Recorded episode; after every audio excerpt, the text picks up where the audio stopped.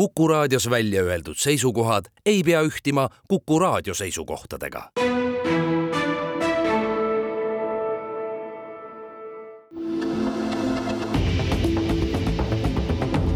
kahevahel. kahevahel. tere, igareedene vestlussaade Kahevahel alustab stuudios ajakirjanikud Timo Tarve ja Ainar Ruussaar ja meie vahel on Isamaa Erakonna esimees Riigikogu riigieelarve kontrollkomisjoni juht ja väliskomisjoni liige Urmas Reinsalu, tere! tere päevast! enam kui paarikümneaastase tipp-poliitiku staažiga Reinsalu on muuhulgas töötanud äh, presidendi kantselei direktorina, olnud komeedina taevasse tõusnud ja kiirelt sealt kukkunud Res Publica erakonna üks asutajaid, on pidanud kaitse-, justiits- ja välisministri ametit. Isamaa erakonda juhib alates tänavusest suvest teist korda hea Urmas, te särate, päike särab ka väljas. Teie stuudiosse saabumise puhul paari päeva eest avaldatud uuringufirma Norstat iganädalane küsitlus oli paljudele üllatuseks, teile vast mitte. EKRE on kõige populaarsem partei, teie juhitav Isamaa erakond tõusis kahekümne protsendi peale, tuli teiseks ja püüdis kinni valitsuspartei Reformierakonna. no öelge need nipid, ma usun, et erakondade peasekretärid kuulavad praegu kõrvad kikkis, millise nipiga te suutsite need viimase kahe kuu jooksul kasvatada Isamaa toetust kümme ja valimistulemusega võrreldes kaksteist protsenti? Ei ole siin midagi särada, ütleme, ma vaatan, kui neid praegusi andmeid täna hommikul majandusolukorra kohta, siis need ei anna põhjust mingisuguseks rõõmustamiseks. tööstustood-, ka septembrikuu seisuga meie tööstustoodangu järsk kukkumine jätkub. Ja mis on oluline asjaolu, mida tähele panna, on see, et palju Eesti inimesed suudavad keskmiselt oma igakuisest sissetulekust reservi panna ei, ei kuluta kuus ära kui see on olnud äh, nüüd mm, viimaste aastate jooksul kusagil kümme protsenti, siis nüüd ma näen murelikult, et äh, see olukord on kukkunud siin äh, eelmise aasta või praeguse loogikas sisuliselt, et inimestel ei teki reserve seoses hinnatõusuga. ja silmas pidades ka kütteperioodi ja täiendavaid kulusid, on see kindlasti väga murettekitav asjaolu. nüüd see põhjus, mis, miks Eesti poliitiline maastik on põhimõtteliselt hakanud ümber muutuma, on, ma arvan, tuleneb mitmest asjaolust ja kui ma püüan seda üldistada, siis tänane Eesti poliitika või senine poliitiline maastiku dünaamika ei vasta ühiskonna ootustele, ei ole võimeline neid kvaliteetselt teenindama et me näeme niisugust eh, EKRE, Reformierakonna niisugust kultuurisõja stiilis vastandumist, mida, mida omal ajal oli ta ja isegi paljuski leebemal vormil oli Keskerakonna, Reformierakonna vastandumine. ja see kindlasti on minu veendumuse järgi niisugune ummiktee. vaja on põhilist, vaja on põhimõttelist ka niisugust peavoolu alternatiivi sellele vastandumisele ja seda minu hinnangul on Isamaa olnud võimeline pakkuma. loomulikult selline inimeste toetus on äh, teeb alandlikuks, see on, äh, see on vastutuse, sellega kaasneb vastutus. Ja ma usun, et see on ka rajanenud sellele, et me, ma olen püüdnud hoiduda, Isamaa on püüdnud hoiduda ka sellisest lahmivast kriitikast, et me oleme võtnud käsitlused, see sõnapaar positiivne alternatiiv tähendab ka kohustust pakkuda alati välja oma positiivne lahendus, et ühiskonnas oleks võimalik pidada ka üle opositsiooni ja koalitsiooni telje niisugust dialoogi, baasküsimustes on see minu meelest asendamatu nojah, reiting on kena asi vaadata ja kena asi tunnetada ja kena asi kommenteerida, aga valimistevahelisel ajal on sellega vähe peale hakata, sest seda purki ei pane, seda ei saa kinnistada, eks ole ju noh, ega loomulikult ei ta ole niisuguseid aga... Kivirähu no. raamatu neid eh, tuuletarga tuuli, et sõlmid need tuuled kotti ja siis lased tuuled sõlmedega lahti. aga miks on, ma arvan, et ka ühiskond kindlasti võimaldab Isamaal kasutada seda heas mõttes tööriistana, et survestada valitsust olulistes küsimustes oma hoiakut või poliitilist käekirja korrigeerima, et Erik Gamzejev küsis ka eelmine nädal mult, et et kui ma kirjutasin kirja valitsusele, et nad õlitehase küsimuses äh, ilmutaksid otsustuskindlust ma ütlesin, et see avalik toetus kindlasti annab sellele ka erikaalu, et valitsus oleks võimeline otsuseid tegema. Nad eile ühe otsuse tegid, äh, see oli samm õiges suunas, mis puudutas siis nii-öelda valikut, et anda välja tähtajaline keskkonnamõju hindamise kompleksluba, kuid ma näen seal teist tõsist probleemi ja ma olen siin tööstusinimestega vestelnud, et kui me läheme nii-öelda tähtaegsete lubade kultuuri peale tööstusinvesteeringutena, siis see annab väga destabiliseeriva signaali investeeringute kindlustundele, turvalisusele. et see on eraldi riskiprobleem, mida minu meelest valitsus öö, käitub ettevaatamatult seda teed minnes Te olete nüüd kahes vastuses juba osavalt võtnud selle otsa kinni, millest kirjutab ja räägib eilses intervjuus Päevalehele ka kommunikatsiooniekspert Põim Kama, kes toob esile välja teie suurepärase tunnetuse võtta sisse nüüd ajutiselt katmata nišš majanduspoliitikast ja majandusteemadel, mida Reformierakond nime väldib. olete te nõus? jah, ma olen nõus, et äh, ütleme, erakond, kes tahab olla peavooluerakond Eestis, ta peab olema võimeline pakkuma välja ühiskonna põhipunktidele või raskuspunktidele oma äh, lahenduskäigu ja julgeoleku, välisjulgeoleku riskide maandamise kõrval on majanduslangus, nii-öelda stagnatsioon, nagu seda ütleb Konjunktuuriinstituut oma hinnangus, on meie kõige tõsisem praktiline probleem, sest sellega seonduvad riigi tulud, sellega seonduvad inimeste äh, ostujõud, sellega seondub ka see, et inimesed ei peaks hakkama ulatuslikult oma äh, töökohtadest äh, ilma jääma. teine kategooria, mis minu meelest on erakondadele, peavooluerakonnale väga oluline vastutus, on küsimus tegeleda tulevikuga selles vaates, et kõnetada nooremaid, noori inimesi. et nad, kui me vaatame seda Mm, stressi, väga palju stressikeskkonda, siis. Äh, Ainar on äh, üle elanud raud, veesest ja vasktorudest läbi tulnud, me mäletame Vene aja üleminekut, aga noorele põlvkonnale see stressikeskkond, mis on tekkinud praegu peale, need, äh, need muutused, see sõjast, koroonast, kõigest tulenev ebastabiilsus, minu meelest on see hästi oluline, et me noore põlvkonna äh, ka hoiaksime dialoogi ja see on ka poliitikute ülesanne, dialoogi, et äh, anda lootust ja kindlustunnet, sest kui me noor, noore põlvkonna vaade, optimism ja enese energia panustamine Eestisse, et kui see on, on, on hapral alusel, siis kahtlemata see on noh, muutub kõige strateegilisemalt kõige tõsisemaks probleemiks ka noh, Eesti tulevikku planeerides. pigem psühholoogid ja, ja väga paljud pedagoogid räägivad vastupidist, et nad näevad tendentse, kus tegelikult noorte hulgas levib stress, nad ei suhtle silmast silma suhtlevad läbi mingite teiste vahendite, ehk siis tegelikult noh, see ongi miljoni dollari küsimus, kuidas seda olukorda lahendada, kuidas need noored siis kaasata nii, et naeratus oleks näol ja silm säraks. See tähendab, minu, minu jaoks hakkab see esi, ühest põhimõttelisest küsimustes, küsimusest ja siin ma tõmban noh, naljakal kombel võib-olla paralleeli, me kõnelesime majandusest ettevõtjatega valitsuse käsitlus ettevõtlusest ja anname endale aru, väga palju probleeme meie majanduskeskkonnas on ob puhtobjektiivsed, mis, mis eksisteeriksid sõltumata sellest, ükskõik milline mees või naine täna Eesti riiki juhib. on välisturgude nõudluse ärakukkumine, on Euroopa Liidu intressipoliitika, on regulatiivne rohepöördest tulenev ebakindlus, et cetera kuid äh, valitsuse ülesanne on äh, püüda neid ka ebakindluse tekitavaid elemente maandada, tasakaalustada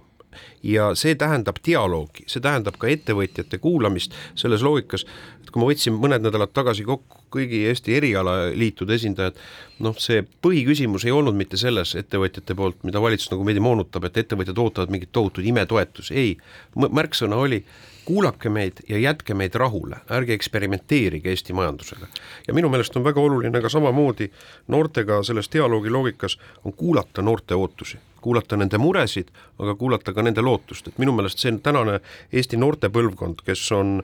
on, on peale kasvanud, kui ma mõtlen seda ka, ka võib-olla põlvkond vara, varasemaga, on tegelikult oma hoiakult palju idealistlikum palju, palju nii-öelda laiema ühiskonna tajuga ja palju rohkem soovib, soovib noh, panustada ka nii-öelda teatud kõrgemate ideaalide saavutamisse absoluutselt, minu teada vist on ettevõtjad seda kogu aeg rääkinud, et parim soov oleks riigile see, et nad võimalikult palju rahule jäetaks. otse küsides, kas Keskerakonnast Isamaasse üle tulnud tuntud poliitikud Jaanus Karilaid, Tõnis Mölder, Neeme Väli, kas te andsite neile väikse suunise kätte, et meie uks on alati valla, tuli neid veenda või tõesti nad ise tulid liitumisavaldusega näpust teie juurde? kumbagi, see oli ikkagi inimeste endi otsus, kui hakata sellest peale, et äh, ja see oli väga põhimõtteline valik inimestele, ma sain aru, kui raske see oli, äh, kui sa oled ühes poliitilises perekonnas olnud väga pikka aega ja siis eh, noh, nagu ma parafraseerin Ronald Reaganit, et kes demokraatide parteiselt läks vabariiklastesse, et ütles, et minu erakond kasvas minust välja, läks minust kaugemale, mitte et need inimesed oleks muutunud. aga see oli väga tõsine väärtuskonflikt, eh, mis Keskerakonnas toimus, seda on ju ka Eesti avalikkus tajunud, seda on tajunud ka valijad, Eesti inimesed, eh, nagu näitavad küsitlused, kes on siis kõlvarti veetud Keskerakonnast, on kaugenenud ja mulle, mulle näib, et see arusaam et, et Isamaa suudaks olla see positiivne alternatiiv peavoolujõuna, et inimesi koondub Isamaasse meie väärtusbaasi eest seisma ja, ja seda positiivset alternatiivi pakkuma, ma arvan, et see alusaam mm, ei ole, ei sugugi ei päädi nimetatud inimestega, vaid ma arvan, et meiega ühineb nii lähemas tulevikus, pikemas tulevikus teisigi inimesi ja sugugi mitte Keskerakonna taustaga, vaid ka teistest erakond, kas varasemalt olnud mingis teises erakonnas või, või ka täitsa poliitikast eemale olnud inimesi, et noh, kas või nädal aega tagasi ühines ka näiteks Argo Luude, Tallinna linnavolikogu liige ja keskkonnateenuste vedaja millal liitub teiega Jüri Ratas, olete rääkinud temaga sellest? No seal Postimees vist kirjutas ka ühe loo täna, ei, ma ei ole mingeid salaläbirääkimisi Jüri Ratasega äh, pidanud selle liitumise osas, eks. Eks iga inimene langetab oma otsused ise ja oma käsitluse järgi ta vist, äh, mis ta plaanid on, äh, ma sõitsin autoga just Haapsallu eelmisel reedel ja autos, mis sa ikka teed, kuulad Kuku raadiot. Ja kuulasin ka, ta andis oma käsitlused seal üsna põhjalikult teie kahe vahel salajasi mitteavalik ikka, kas vastab tõele, ma pean uuesti küsima, sellesama küsimuse ma Jüri Rataselt küsisin nädal tagasi. et Isamaa erakond on mõista talle andnud, et ta saaks Euroopa Parlamendi valimistel esinumbri koha, juhul kui ta erakonnaga liitub? ei. täname, läheme siinkohal väikesele reklaamipausile. kahevahel. kahevahel saade Kahe vahel, Ainar Ruussaar ja Timo Tarve võõrustamas Urmas Reinsalu, kes veel enne, kui ta õhtusaatesse läheb Jüri Ratase vastu võistlema, vastab Kuku raadio saatejuhtide küsimustele. homme peab Isamaa oma volikogu istungit, kindlasti on teie kõne seal volikogu liikmete jaoks uudne, üllatuslik ja ajakirjanikud juba teritavad ka sulge, et tsitaate sealt võtta, aga anname neile võib-olla mingi otsa kätte, mis need põhilised teemad ja sõnumid saavad olema, äkki annate siin juba väikse ülevaate ma, mis ma, ma ei hakka pattu salgama, võib-olla see on tohutu saladus, aga seda reede õhtusaade, see me tegelikult tehti veidi varem. no see lehti. on kõigile teada. jah, ja see tähendab, et siit Kuku raadiost ma lähengi äh, kõnet kirjutama ja see kõne äh, ma noh, see ettekujutus, mida ma soovin välja öelda, on anda käsitlus sügis kaks tuhat kakskümmend kolm anno äh, Eesti poliitika olukorrast ja nendest põhipostulaatidest, mille pinnalt äh, ühiskond peaks praegu panustama äh, kõige tähtsamate küsimuste lahendamisse Eestis ja noh, ka kahtlemata ma vaatan nii sisepoliitikat, annan hinnangu ka kogu nii-öelda meie poliitilisele, ka Isamaa kon-, poliitiliste konkurentide perimeetrile, aga loomulikult tuleb vaadelda ka rahvusvahelist olukorda. EKRE teatas, et kavatseb obstruktsiooni jätkata, kui arutlus, äh, parlamendis arutatakse järgmise aasta riigieelarve eelnõu. Isamaa valis teise tee ja esitas kümme muudatusettepanekut siis, nagu me rääkisime, eelarvekavandi, teistsuguse eelarvekavandi. Kaja Kallas nimetas seda sisutühjaks dokumendiks ja see kuidagi ärritas teid või solvas teid? ei solvanud, ma juhtisin heateadlikult tähelepanu, et minu meelest riigi liider, äh, liidri poolt sellised hinnangud Äh, on ebaküpsed, mitte sisuline kvalitatiivne hinnang, seda noh, see jääb, see ilu jääb alati vaataja silmadesse, aga mis minu jaoks oli noh, kummaline või uus tase,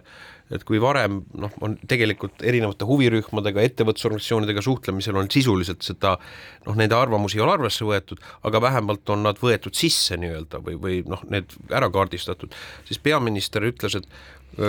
kuigi ta ei ole lugenud mm -hmm. minu Isamaa esitatud po-, seda positiivset eelarve mm, alternatiivettepanekut, siis ta leiab, et see on täiesti mõttetu asi oli vist midagi taolist sellest sõnastusest. ja ma arvan, et see oli, oli veidikene üleolev ja noh, inimlikult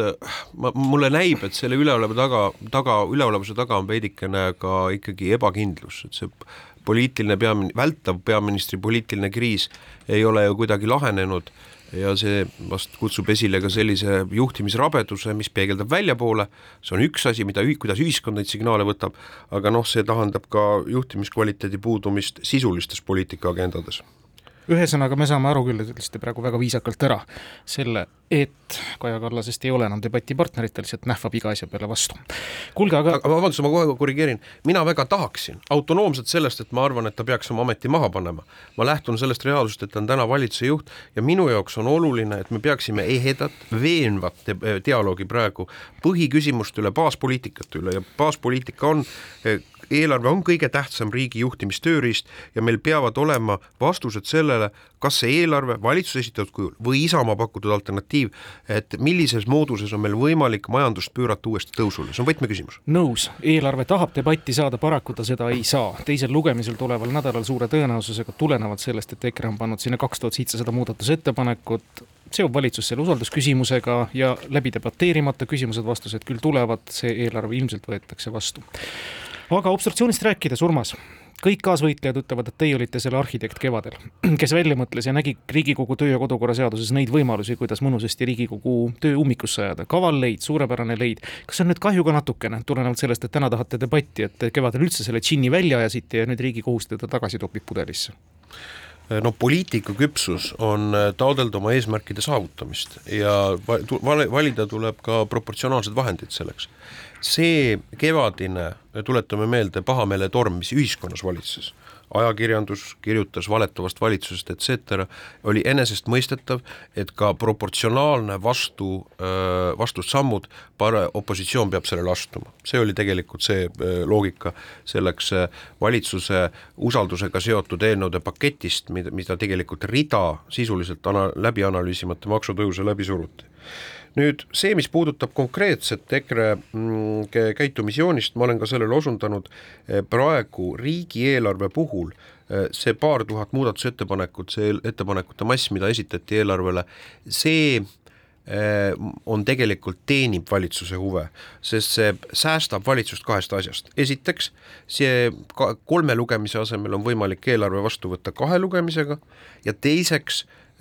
või teisel lugemisel nüüd juba usaldushääletusega, ja teiseks, äh, valitsus ei pea üksikutele opositsiooni sisulistele muudatusettepanekutele andma vastust siis koalitsiooni poolt läbi hääletamisega. nagu näiteks meil täna hommikul tule, tuli uudis, et äh, Haridustöötajate Liit ja õpetajad valmistavad ette järgmisel reedel hoiatusstreiki. minu meelest on see Haridustöötajate Liidu pakutud kompromiss õpetajate palga osas, et tõsta seda siis kuus koma, üksnes kuus koma kolm protsenti võrreldes valitsuse esitatud eelnõuga äh, fondi raha, et see oleks asjakohane kompromissina vastu võtta, kas või üks meie ettepanek oli, oli positiivses alternatiivis sellega, et me, et me ei aja, tekita ühiskonnas veel täiendavat nii ulatuslikku stressi välja, et see töörahu koolides säilitada ja seetõttu minu loogika on, et äh, oli, oli see põhjus, miks me andsime selgelt teada, et me läheneme, me soovime sisulist debatti selle eelarve üle, üleskutsega, et valitsus korrigeeriks oma lähtejoonist, ma tunnistan, et ma ei suhtu sellesse äh, naiivselt, et see tegelikult aset leiaks, aga ühiskond peab, ühiskonnal peab olema ka võimalus ehedalt tajuma erinevaid valikuid, äh, mida ka poliitilised, erinevad poliitilised käsitlused pakuvad. Isamaa pakub positiivse alternatiivi, eelarve pakkus välja, riigivalitsemise bürokraatia kulude kokkutõmbamine, äh, kriitilise pilguga üle vaadata maksutõusud, aga ka mõningatesse olulistesse, sealhulgas ka sisejulgeoleku vajakajäämistesse, nii-öelda raskuspunktteemadesse, mida valitsus ei puudutanud, ka pakkuda lahendusi. Nojah, vot äh, EKRE juht Martin Helme süüdistas Isamaad ja Keskerakonda ehk siis kahte opositsioonipartnerit otseselt äh, ajakirjandusse allaandmises ja teie soovis saada Kaja Kallasega hästi läbi kuidas te seda nüüd oma valijatele seletate, teil ongi tegelikult kolme opositsioonipartei vahel ei ole erilist ühtsust? meil on eh, erine-, erakondadel on erinev äh, kogemuste baas ja erinev tee, kuidas saavutada mingisuguseid äh, tulemusi. tuleb ausalt tunnistada, et et ma olen seda ka avameelselt välja öelnud, et noh, Martin Helme ettekujutus, et erakorralised valimised on võimalik selle eelarve menetlusega esile kutsuda, noh, ta teab ise suurepäraselt ka, et see ei vasta tõele. tegelikkuses seda äh, erakorralisi valimisi on võimalik esile kutsuda Eesti riigis ainult siis, kui seda pooldab parlamendiliikmete enamus ja enesestmõistetavalt äh, kool, praegu tänane koalitsioon äh, kardab seda erakorralisi valimisi, kardaks kui vanakurat välku ja see on viimane asi, mida nad oleksid valmis tegema. Isamaa neid eraldi võetuna ei karda, aga neid lihtsalt koalitsiooni vastuseisu tõttu ei ole võimalik esile kutsuda. mingid eraldi läbirääkimised või eh, positiivsed suhtumised Kaja Kallase suhtes on muidugi eksitav, ma olen selgelt ja jäigalt väljendanud oma seisukohta, et Kaja Kallas on oma aktiva ammendanud valitsusjuhina, et autonoomselt sellest, kui täna, kui, kui jätkaks tänane koalitsioon, siis oleks asjakohane, et tänane koalitsioon leiaks ka uue valitsusjuhi, see on lihtsalt riigi huvides, sõltumata sellest kõigist parteipoliitilistest manöövritest. ja kolmandaks, see, mis puudutab nüüd EKRE loogikat äh, eelarve muudatusettepanekutega, siis äh, sisuliselt tuleb tunnistada, et nagu ma ütlesin, et EKRE muudatusettepanekute mass riigieelarvele äh, tähendab seda, et riigieelarve võetakse kiiremini, mitte aeglasemalt vastu ja sisulist debatti ehk ka ebamugavustunnet äh, või keerulisemat olukorda ka kõigile valitsuspartneritele hääletada ebamugavaid eel, ettepanekuid üksikuna, selle äh, võimaluse äh, võttis EKRE oma loogikaga ära, nii et tegi see ei olnud, see tegi karuteene, ma arvan jah, opositsioon, minu jaoks nii-öelda sellele opositsiooni strateegilisele ülesandele äh, noh, osundada sisuliselt ja saavutada sisuliselt poliitika korrigeerimist valitsuse poolt. ma jään ikka selle juurde, et mulle tundub, et opositsioon sai selle kevadise trikiga ikkagi hamba verele ja võib-olla jätkatakse siis sealtmaalt, ühesõnaga Riigikohus on ju ka osutanud, et sisuliselt on Riigikogu töö- ja kodukorra seadus täiesti mõttetu dokument. sellest ei peeta kinni, muide ei pidanud ka eelmine Riigikogu esimees kinni, milleks meile seda tühja seadust vaja on? Te olete jurist, palun selgitage see lahti, jah, just no see peaks määrama reeglid, mille alusel äh, parlamentaarne riik äh, oma siseprotseduure korraldab. Äh, ja noh, ma jagan seda seisukohta, et minu meelest seda reegli, seda reeglite loogikat on, on kuritarvitatud, aga vaadake, jätame kõrvale need parlamendi protseduurid ja paragrahvid. küsimus ja probleem on ju selles, et meil oli, meil on jätkuvalt poliitiline vastasseis. ma kutsusin augustis üles kõiki erakonnajuhte, saame ühe laua taha kokku ja me arutame selle poliitilise vastasseisu lahendamise teed. Kuu aega läks mööda ja siis viimaks äh, koalitsioon oli soostus laua taha tulema ja ma ütlesin sealt välja oma keskse lähenemisnurga, et Isamaa jaoks ka nii-öelda, mis puudutab siis nii-öelda sisulist normaalset parlamendi tööd, on väga oluline, et peamine, et meil tegelikult me lahendame poliitilise kriisi, mis Eesti positsiooni nõrgestab nii rahvusvaheliselt kui ka siseriiklikult valitsuse töövõimet, on peaministri isiku küsimus. kõik võtsid selle teadmiseks, eh, teistel parteidel olid seal oma teised arusaamised, kommenteerivad seda ise ja lepiti kokku, et uuesti saadakse kokku. nüüd on sellest septembri kokkusaamisest on juba november, seda uuesti kokkusaamist ei ole, et ma kordan oma üleskutset, et ka kriitilises olukorras, ka vastasseisu olukorras lasub kõikidel parteidel, kõikidel poliitilistel jõududel, olgu nad valitsuses või olgu nad opositsioonis, vastutus, et püüda otsida ühisosa teine asi, mida ma selle erakonna esimeeste koosolekul välja pakkusin, mida ma olen korranud ka nüüd, kui me tegime parlamendis riiklikult tähtsa küsimusena Isamaa ettepanekul Eesti majanduse olukorra arutelu, et me praeguses majanduskeskkonnas, ma näen nagu ühe inimpõlve jooksul on meil juhtunud, mis? On juhtunud see, et Eesti majanduse edu narratiivi, mis meid üks inimpõlv on teeninud, on mitu elementi on tegelikult, on noh, ümber transformeerunud, mis, mida me ei saa käsitleda enam noh, nii-öelda enda edu alusena, alates kas või, kas või noh, konkurentsivõimelisest energiahindadest. ja see tähendab, et me peaksime leidma koos ettevõtlusorganisatsioonidega ühe niisuguse rahvusliku leppe Eesti konkurentsivõime nimel pingutamiseks. Saksa kantsler Scholz pakkus selle septembris välja väga vitaalselt, Saksamaal ma vaatan, kõik poliitilised jõud panustavad sellesse debatti ja niisugust ühisosa otsimist ma tahaksin Eesti poliitikas rohkem näha, ma arvan, see on see minimaalne kaasaegse noh, nii-öelda ka väga kriitilises olukorras oleva riigi poliitilise juhtimise kvaliteet teeme siin väikese vaheaja ja pärast vaheajaga jätkame majandusteemadel ja räägime ka välispoliitikast. kahevahel. kahevahel igaraedne vestlussaade jätkub ja Timo Tarve, Ainar Ruussaare vahel Kuku raadio otsestuudios on tipp-poliitiku staažiga Urmas Reinsalu, Isamaa erakonna esimees. Urmas, üks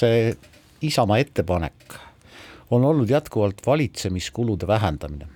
mis ei puuduta investeeringuid ja riigikaitseid, nii ma lugesin välja. Äh, kus siis valitsuskulusid kokku saaks tõmmata? noh, see peab olema poliitiline ülesande püstitus, teate, ma noh, ka ametnikud räägivad minuga, et äh, praegune valitsus äh, noh, on võim-, oli võimeline kui me räägime, oli võimeline kärpima valitsemiskulusid üksnes kolmkümmend miljonit eurot järgmise aasta eelarves. ja see nägi nõnda välja, et suvel öeldi ministeeriumide kantsleritele, et leidke kuskil katteallikaid ja loomulikult, leidke kuskilt lahendust ja loomulikult selle tulemusena midagi sisulist aset ei leidnud. et noh, puudub lihtsalt veenev poliitiline juhtimine selle sisulise eesmärgi saavutamiseks, kust leida? no ma juhin tähelepanu, ma olen ühe kujundi või noh, väga praktiliselt iseloomustava näite toonud, et kahekümne teisest ja kahekümne esimesest aastast, kahekümne kolmandast aastast tõsteti üle nii-öelda kasutamata vahendeid eelarvest mida siis ei suudetud kasutada, mis ei tähenda ka, et midagi oleks valesti tehtud, aga aga lihtsalt ei kasutatud ära üheksasaja viiekümne kaheksa miljoni euro ulatuses ja meie ettepanek, mis puudutas selle aasta lisaeelarvet, oli üksnes üks protsent eelarve kogumahust, saja kuuekümne miljoni euro ulatuses, kasutada, tõsta nüüd kahekümne neljandasse aastasse omakorda raha vähem üle ja selle võrra ka parandada riigi rahandust olukorda. ja noh, ma toon ühe kujundliku nägemuse või näite, me praegu räägime siin õpetajate palgatõusust, mis maksab suurusjärgus, kui, kui Haridustöötajate Liidu kompromissile vastu tulla, see oleks suurusjärgus kolmkümmend viis miljonit eurot riigieelarvesse. samas suurusjärgus on näiteks järgmise aasta eelarves planeeritav keskkonnaasutuste uus ametihoone väga praktiline küsimus, mis on meie jaoks nüüd valiku küsimus. Isamaa ettepanek on, et jätta see hoone lükata tulevikku edasi, jätta ära ja, ja lahendada akuutsem küsimus ühiskonna toimetuleku mõttes. et me paneme ette neid äh, valitsemiskulusid vähendada äh, noh, ka keskvalitsuse bürokraatia pealt järgmisel aastal kahesaja miljoni euro ulatuses on täiesti realistlik ambitsioon. Ja ma toon ühe näite, ka rahandusminister, kes kõneleb kokkuhoiust väga nii-öelda noh, niisuguses äh, pidulikus stiilis, et rahandusministeeriumi enda majanduskulud järgmisel aastal kasvavad neliteist protsenti ma palusin välja võtta detailsemalt, mis seal taga oli, üks põhjendus, mis öeldi, seoses uute maksutõusudega. Tekitame ka, on vaja meil kulusid juurde. et ma näen, et äh, ei ole niisugust poliitilise juhtimise taset äh, püstitatud ja äh, loosungid on küll olemas, et valitsus ise kõneleb, et nulleelarve projektiga nad suudavad aastatel kaks tuhat kakskümmend viis kuni kakskümmend seitse hoida kokku riigieelarve strateegias siis ette nähtuna kuussada kakskümmend viis miljonit eurot aga kui ma küsisin rahandusministrilt, aga miks niisuguse ambitsiooni taset ei ole järgmisel aastal või ei ole ka selle aasta lisaeelarves, siis ta vastas, et selle aasta küsimused tehti juba minevikus ära ja eh, järgmise aastale tehti nii palju, kui jõuti teha. ma arvan, et see näitab, et, et ei ole niisugust tunnetust, et ka keerulisi ja raskeid otsuseid tuleb teha reaalajas ja sellepärast ma kirjutasingi oma kirja ettepanekute paketiga, saatsin ära juba, vist oli augusti lõpul valitsusele, kes eelarvet kokku pani, et mis peaks olema need põhisisendid valitsuse äh, eelarvepoliitikas ja valitsemiskulude kokkuhoid oli seal üks märksõna. Valitsuse reservfondi vähendamine on üsna libe tee, äkki on seda reservi ikkagi mõneks ootamatuseks vaja? kriisid ei hüüa tulles, nagu minevik ütles või ütleb no meie ettepanek on tervik ja tervik tähendab seda, et kui me vaatame ka valitsuse reservfondi mahte, siis tõsi on see, et ka viimaste aastate jooksul on ulatuslikult ka järgmistesse eelarveaastatesse tõstetud valitsuse reservfondi vahendeid üle. nii et me oleme teinud selle oma positiivse eelarve just nimelt ettepanekuga nii-öelda kulupoliitikat silmas pidades sellisena, et tegelikult valitsuse eelarvepositsiooni kokkuvõttes oluliselt rahalise, mm, rahaliselt parandada. sest praegu on ju tegelikkuses kui me kõneleme valitsuse erinevate valdkonna suutlikkusest või, või kompetentsist, kõik need elemendid, ma näen, on paraku habrastunud Reformierakonna poliitilises agendas. Äh, ja, ja ainukene viimane asi, millega nad veel kõnelevad, on tegelikult siis riigi rahanduspoliitiline noh, nii-öelda suutlikkus, et selle tagamine ja meie eelarve ettepanek kõneleb muuhulgas ka sellest, et on võimalik kriitilisi küsimusi lahendada ära selliselt, et ka riigi rahanduslik positsioon pareneb, mitte ei halvene nagu väga oluline lähtekoht. ja noh, kui ma kõnelen näiteks äh, sama küsimust äh, idapiiri äh, valmisehitamisest, ma juba suvel kirjutasin siseminister Läänemetsale, et me peame kiiremini panustama idapiiri väljaehitamisse, sealhulgas ka taristu investeerimisse. ta vastas, et ei, seda ei ole võimalik teha, et kui ki-, paneme rohkem raha, et kiiremini teha, siis piir saab hoopis hiljem valmis, ma ei saanud sellest loogikast aru, aga jäägu see tema südamele. nüüd sellel nädalal Postimees tuli välja väga huvitava analüüsiga. ta tõi ära siseministeeriumi siseauditi, mis puudutas idapiiri ehitamist, kus selgus, et, et lõpptähtaega, millal idapiir valmis saab, nagu selgelt määratletud ei olegi, kusjuures ei ole ka selgelt määratletud, millised taristuelemendid siis kuuluvad idapiiri poolt kui me kõneleme idapiirist, mis, mis elemendid seal üldse sees on? ma olen teadlik sellest, et PPA esitas täiendava ta taristuvajaduse idapiiriga seoses seitsekümmend miljonit eurot riigieelarvesse ühtegi senti sellest sisuliselt arvesse ei võetud ja seetõttu ma peangi oluliseks, et kui ma vaatan praegu kogu seda hübriidrünnaku reaalehedat olukorda, mille all on praegu, eks ole, Läti suund, Poola, Leedu suund, ma ei kõnele nüüd lõunapiirist, mis on Euroopa Liidul Aafrika suunal, siis me peame olema, siis küsimus ei ole isegi minu jaoks mitte, äh, mitte kas, vaid millal ka meie piirikeskkonnas äh, tekib niisuguse hübriidründe reaalne oht ja me peame olema selleks oma tugevama piiriga valmis. Nojah, soomlased ehitavad ka jõuliselt piiri, nii et tegelikult kunagi loodetavasti saab see piir valmis ja meil on kõigil väga palju turvalisust kuulge, valitsusliidul on ju siiski vähemalt pealtnäha häid ideid ka, nulleelarve, personaalne riik. Nende kaudu annaks ju noh, majanduskasvu vähemalt teoreetiliselt kuidagi ergutada. no milles see seisneb, see minu nulleelarve, kui kõneletakse sellest, siis mis tegelikult ju tähendab no see vähemalt ei ole miinus. kulude kokkuhoidu, just, siis eh, minu ülesanne, küsimus oligi, mida ma olen mitu korda öelnud, need positiivsed mõttekäigud, mida me usume, et tõmbavad ka valitsemiskulu kokku, aga need tuleks reaalajas realiseerida, kuudega. et me vaatame praegu erasektorit, ka suuri Eesti ettevõtteid, tööstusettevõtteid, kellel on lepingud eh, järgmiseks eh, siin talvehooajaks, kevadeks, on vähenenud seoses nõudluse vähenemisega, nemad peavad kujundama oma samme, kulusid ümber struktureerima reaalajas. Ja samasugust noh, suutlikkust ja paindlikkust peab olema ka poliitilise juhtimise keskkonnas äh, riigi äh, tasemel. On kindlasti mitu valitsuse sammu, mida ma loen positiivseks. ma tunnustan seda, et eestikeelsele haridusele ülemineku eraldi võetud selle programmi vahendid, nii nagu Tõnis Lukas seda ette pani, et ne, sellele kate on, on leitud, see kindlasti on positiivne märk tõsi küll, ka õpetajate üldine palgatõus, ma arvan, ja õpetajaameti prestiiž ka sellest lisaülesandena, mis meie äh, kool, koolidele ja õpetajatele tekib eestikeelsele haridusele üleminekuga, kindlasti on oluline ka selle elemendiga praegu äh, nii-öelda selles töötüli keskkonnas arvesse võtta ja see kompromiss on mõistlik valitsusel vastu võtta. aga kindlasti, kui on mingeid positiivseid samme, siis ma ei kõhkle ka seda ütlemast, et valitsus on teinud hea otsuse õpetajatest rääkides, õppimisest ka akuutne küsimus, öelge Urmas Reinsalu, kas teie olete eestikeelsele haridusele ülemineku osas optimist? arvate, et see sujub igal pool enam-vähem, Keeleamet toob välja üsna kurvad numbrid ja mõtlemapanevad numbrid? ma arvan, et see on väga suur ühiskonna pingutus, et see ei tule mööda minnes. ma ei ole, olen kaugel sellest naivismist ja me näeme tegelikult ka seda, et kui seda kutsehariduses eestikeelsele haridusele üleminek äh, seaduses kirjutati, siis kaks tuhat kaheksateist see punkt, siis see iseenesest automaatselt seadusepügal ei tähenda midagi, see tuleb tagada nagu suure ühise pingutusega. Äh, raskuskeset ma pean tunnistama, minu jaoks on loomulikult, me kujutame ju ette, kui me vaatame ruumiliselt, on Tallinna ja Ida-Virumaa suuremate omavalitsuste keskmes. Tallinna puhul olen mu, olen ma vägagi umbusklik selle nii-öelda poliitilise tahte osas. olemas ja samamoodi ma pean tunnistama, et minu jaoks olid Katri Raigi astutud sammud vägagi sümpaatsed, mida ta linnapeana tegi, me nägime, mina vähemalt avalikkus tajus, et Katri Raigi linnavalitsuses astuti konkreetseid samme ja ma saan aru, et see oli ka üks põhjus tema hoiak mitte teha järeleandmisi ka nende koolijuhtide osas kes seal volikokku kuulusid, kompromisse oli, mis viis tema nii-öelda siis äh, kukutamiseni. et äh, see tähendab seda, et äh, riigi nii-öelda res-, riik saab toetada ressurssidega, vajadusel ka korrigeerides mingeid otsuseid nii-öelda selliselt, et seda jõustada, aga see eeldab väga tugevat koostöövõimet eh, kohalike omavalitsuste pinnalt, nagu ma ütlesin, Tallinna puhul ja Mihhail Kõlvarti linnavalitsuse puhul senise ret-, poliitilise retoorikaga minus seda kindlust paraku ei ole. Tallinna linna juhtimise, poliitilise juhtimise küsimus on eestikeelsele haridusele ülemineku jaoks minu meelest võtmeküsimus teate, ma olin kohutavalt õnnelik, kui see otsus sündis minna üle eestikeelsele haridusele ja ma olin väga suur optimist, aga mida lähemale, seda rohkem tundub mulle, et äh, kuidas need venelased ütlesidki, tahtsime paremini, aga läks nagu ikka.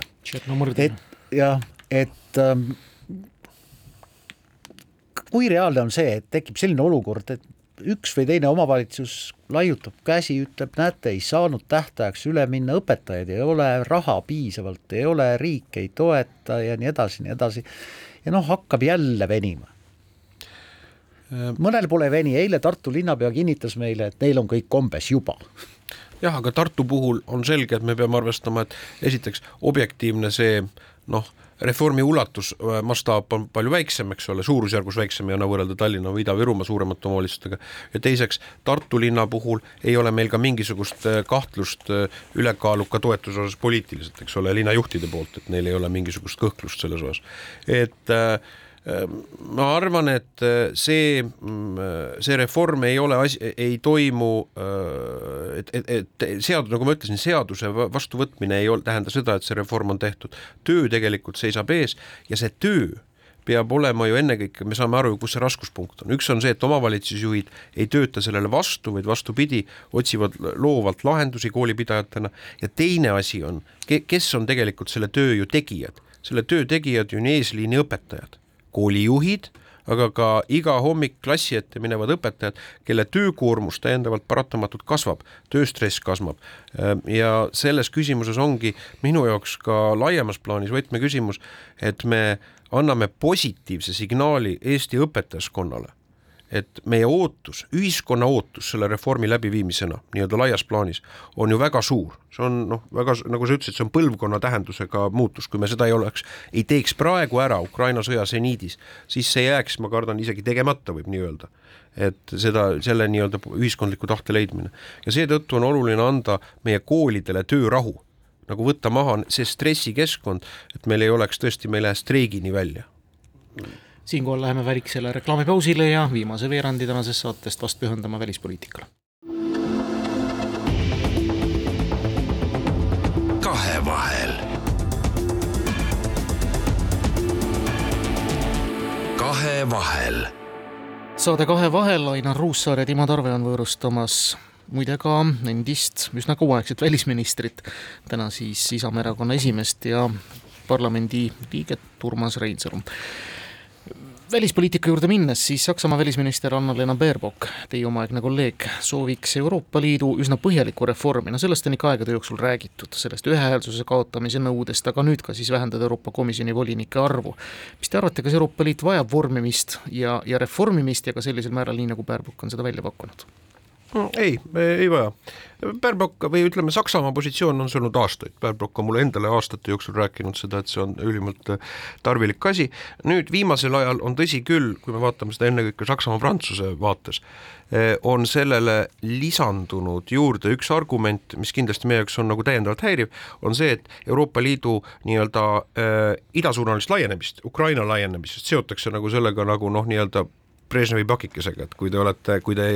olete selle, et meie sellisel juhul oleme valmis suuremat või laienemist aktsepteerima, kui sellega kaasneb ka nii-öelda institutsioonide reform. ma ei arva, et see on mõistlik, eelmise aasta lõpul ma viisin ka Eesti valitsuse, Eesti riigi seisukoha, mis on kinnitatud ja ma loodan, et ka tänane valitsus ei revideeri seda, et me välispoliitikas, julgeolekupoliitikas Eesti positsioon on jäigalt seista ühehäälsuse eest, miks see on oluline, oluline ei ole mitte, mitte see, et me ühehäälsuse kõrvaldamisega, et siis lahendame, nagu praegu on olnud, et kui mingis küsimuses üksikriik on vastu, et siis suudame tast üle sõita, noh nagu eraldi reljeefselt on see Ungari puhul välja tulnud, vaid küsimus on selles, et see on tagatis meie jaoks eksistentsiaalsetes ja elulistes küsimustes, nagu see Ukraina sõda on tulnud, et meiega üldse räägitakse. See on see põhimõte, et ega Eesti välisministrile ei helistaks Ameerika Ühendriikide esindajad või ei suhtleks ka G7 riigid, kui ei oleks seda ühehäälsuse põhimõtet, see loob hoopis teise nii-öelda ka välispoliitilise mõjutusvälja ja välis- ja julgeolekupoliitika küsimused, noh, meie jaoks ju mitte küsimus, kuidas, võib-olla suuremate riikide jaoks Euroopas on see, vaid küsimus, kas me eh, nii-öelda olla või mitte olla küsimused. Ja selles loogikas ma juhin ka tähelepanu, et ta on paradoksaalselt selle ühehäälsuse lõhkumine töötaks tegelikult vastu ka Euroopa Liidu sisemisele toimimisele. sellepärast, et ega välispoliitika on nii tundlik küsimus, riigi iseseisvuse küsimus, et ettekujutus, et keegi enamushäältega rullib sinust üle ja siis riigi poliitikud lähevad oma pealinna tagasi ja ütlevad, me hakkame seda ellu viima nüüd vastupidi täiesti, see tegelikult ei juhtu nii. see tege-, tegelikult hakkab Euroopa Liitu palju kiiremini laiali lõhkuma, sest lihtsalt neid otsuseid ei hakata täitma. ja, ja kolmandaks on äh, väga oluline asi, et kui me mõtleme ka meie regiooni peale, suurte riikide peale, väiksemate riikide peale, siis see alternatiiv, mida ka proua Päärbak pakkus, on ju kvalifitseeritud häälteenamuse mudelile üleminek, mis iseenesest näeb ette noh, lihtsalt rahvaarvu e, e, e, suhtena arvestatakse siis suuremalt, suuremate riikide erikaalu, mis tähendab, et ka kvalifitseerivat vetoõigust näiteks meile eluliselt olulistes selle regiooni julgeolekupoliitika küsimustes ei omaks riigid, kui me liidame kokku kõik Balti riigid, Põhjala riigid ja Poola ja see seltskond ei omaks niisugust erikaalu, noh, see minu jaoks ei ole, ei ole mõistlik ja ei vasta meie rahvuslikele huvidele. selles jutus on oma loogika, et tõepoolest äh, see, kui Ungari peaminister läheb ja ütleb, et näete, Euroopa Liit muutus ja kümme hääletas vastu ja kolmteist poolt ja sellepärast tehakse nüüd teiega nii, nagu need kolmteist soovivad, et see pole välispoliitiliselt võib-olla asjalik, aga Moldova teatas, et lõpetab SRÜ ühendustele maksete tegemise järgmisest aastast, ehk siis astub kukesammu taas Venemaa juhitavast SRÜ-st eemale. aga minu küsimus on see, et Ukraina, Moldova, noh, Gruusia kusagil taustal, eks ole, mõned Balkani riigid, et kas see Euroopa Liidu laienemine lähema viie aasta jooksul on üldse reaalne? noh, kui me räägime sellest, et äh, nii-öelda reaalsest objektiivsetest kriteeriumidest, siis äh, laienemise all äh, noh, nii-öelda reaalsem on äh, pigem need otsused, mida langetatakse Balkani suunal aga me teame, et ka Balkani suunal äh, laienemise puhul on mitmed Lääne-Euroopa riigid, kes sellele on ennekõike oma sisepoliitilistel, ütleme siis immigratsiooniteemad ja mis sisepoliitikas on, on vastu, noh, nimetame siin skepsist äh, Prantsusmaa, Holland näiteks, äh, kus on ka nüüd selle kuu lõpul valimised. et, et see on seda protsessi aeglustanud ja jällegi ähm, on osa riike Euroopa Liidus, kelle jaoks on palju olulisem Balkani suunaline laienemine, kes noh, ruumiliselt asetsevad sellel trajektooril siis põhja-lõuna perspektiivis, kui, kui niivõrd Ukraina, kes kohe hakkavad siduma kokku ka näiteks peatükkide kaupa või liitumisläbirääkimiste avamist Ukrainaga, aga võimatu on meil siis öelda seda, et me, kuidas me Balkani kõrvale jätame, et see oli täpselt, ma käis, eelmine nädal olin Euroopa Rahvapartei juhtide ja Ursula von der Leyeni ühisel koosolekul, noh, seal täpselt erinevad peaministrid seda mõtet ka väljendasid, oli kõva poleemika. nii et, et kui kui küsida nüüd nõnda, et kas äh, me ka kujutame ette, et äh, lähi, lähimatel aastatel näiteks, kui asjad arenevad päripäeva, äh, võiks Ukrainast saada Euroopa Liidu liikmesriik, siis vastus on ausalt, et see, see ei ole paari aasta küsimus, kuna see eeldab ka nii suurt tehnoloogilist üleminekut ja noh, ühiskonna nii-öelda, me mäletame ise, palju me ise igasuguseid veepuhastus ja tehnoloogilisi samme pidime astuma ja meil võttis see aega ju seitse aastat, nii et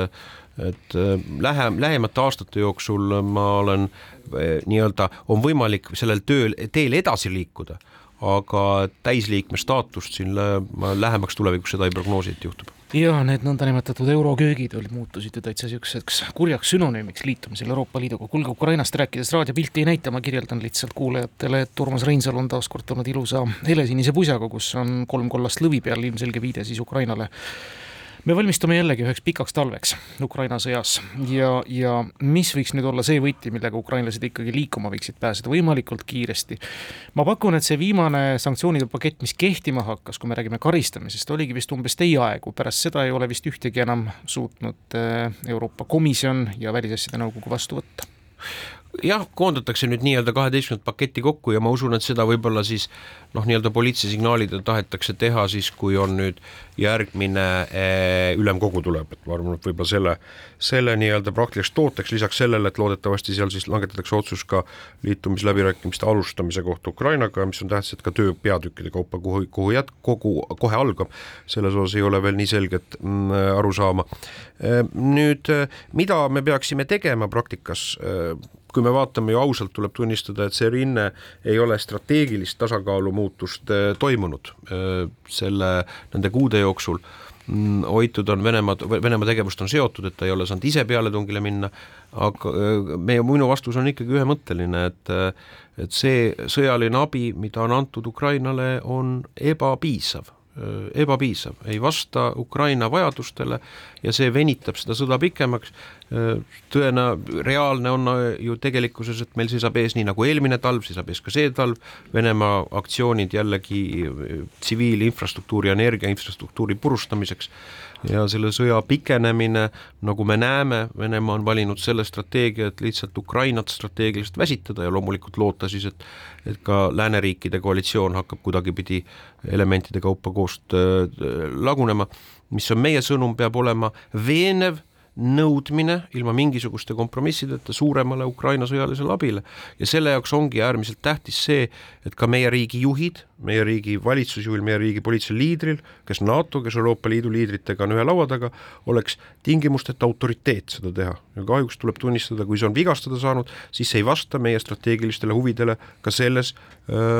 selles perimeetris rohkem kostub ka hääli, et sõjatööstus, lääneriikide sõjatööstused ei suuda enam järgi tulla, ei suuda nii palju moona ja ja relvi toota, kui tegelikult Ukrainasse eest ära läheb, et see teeb ärevaks. Jah, sama küsimus on ju ka, me vaatame, Venemaa soovib, eks ole, oma mürsuvarusid täiendada siis seal Põhja-Korea äh, saadetiste loogikas, et et kui me vaatame ka numbreid, mehaanilisi numbreid, äh, siin on juba noh, eraldi probleem on Ameerika Ühendriikide panus, et äh, see on iseenesest ju eraldivõetuna positiivne, et Euroopa Liidu kombineeritud relvaabi panus on kerkinud Ameerika Ühendriikide kõrvale, äh, aga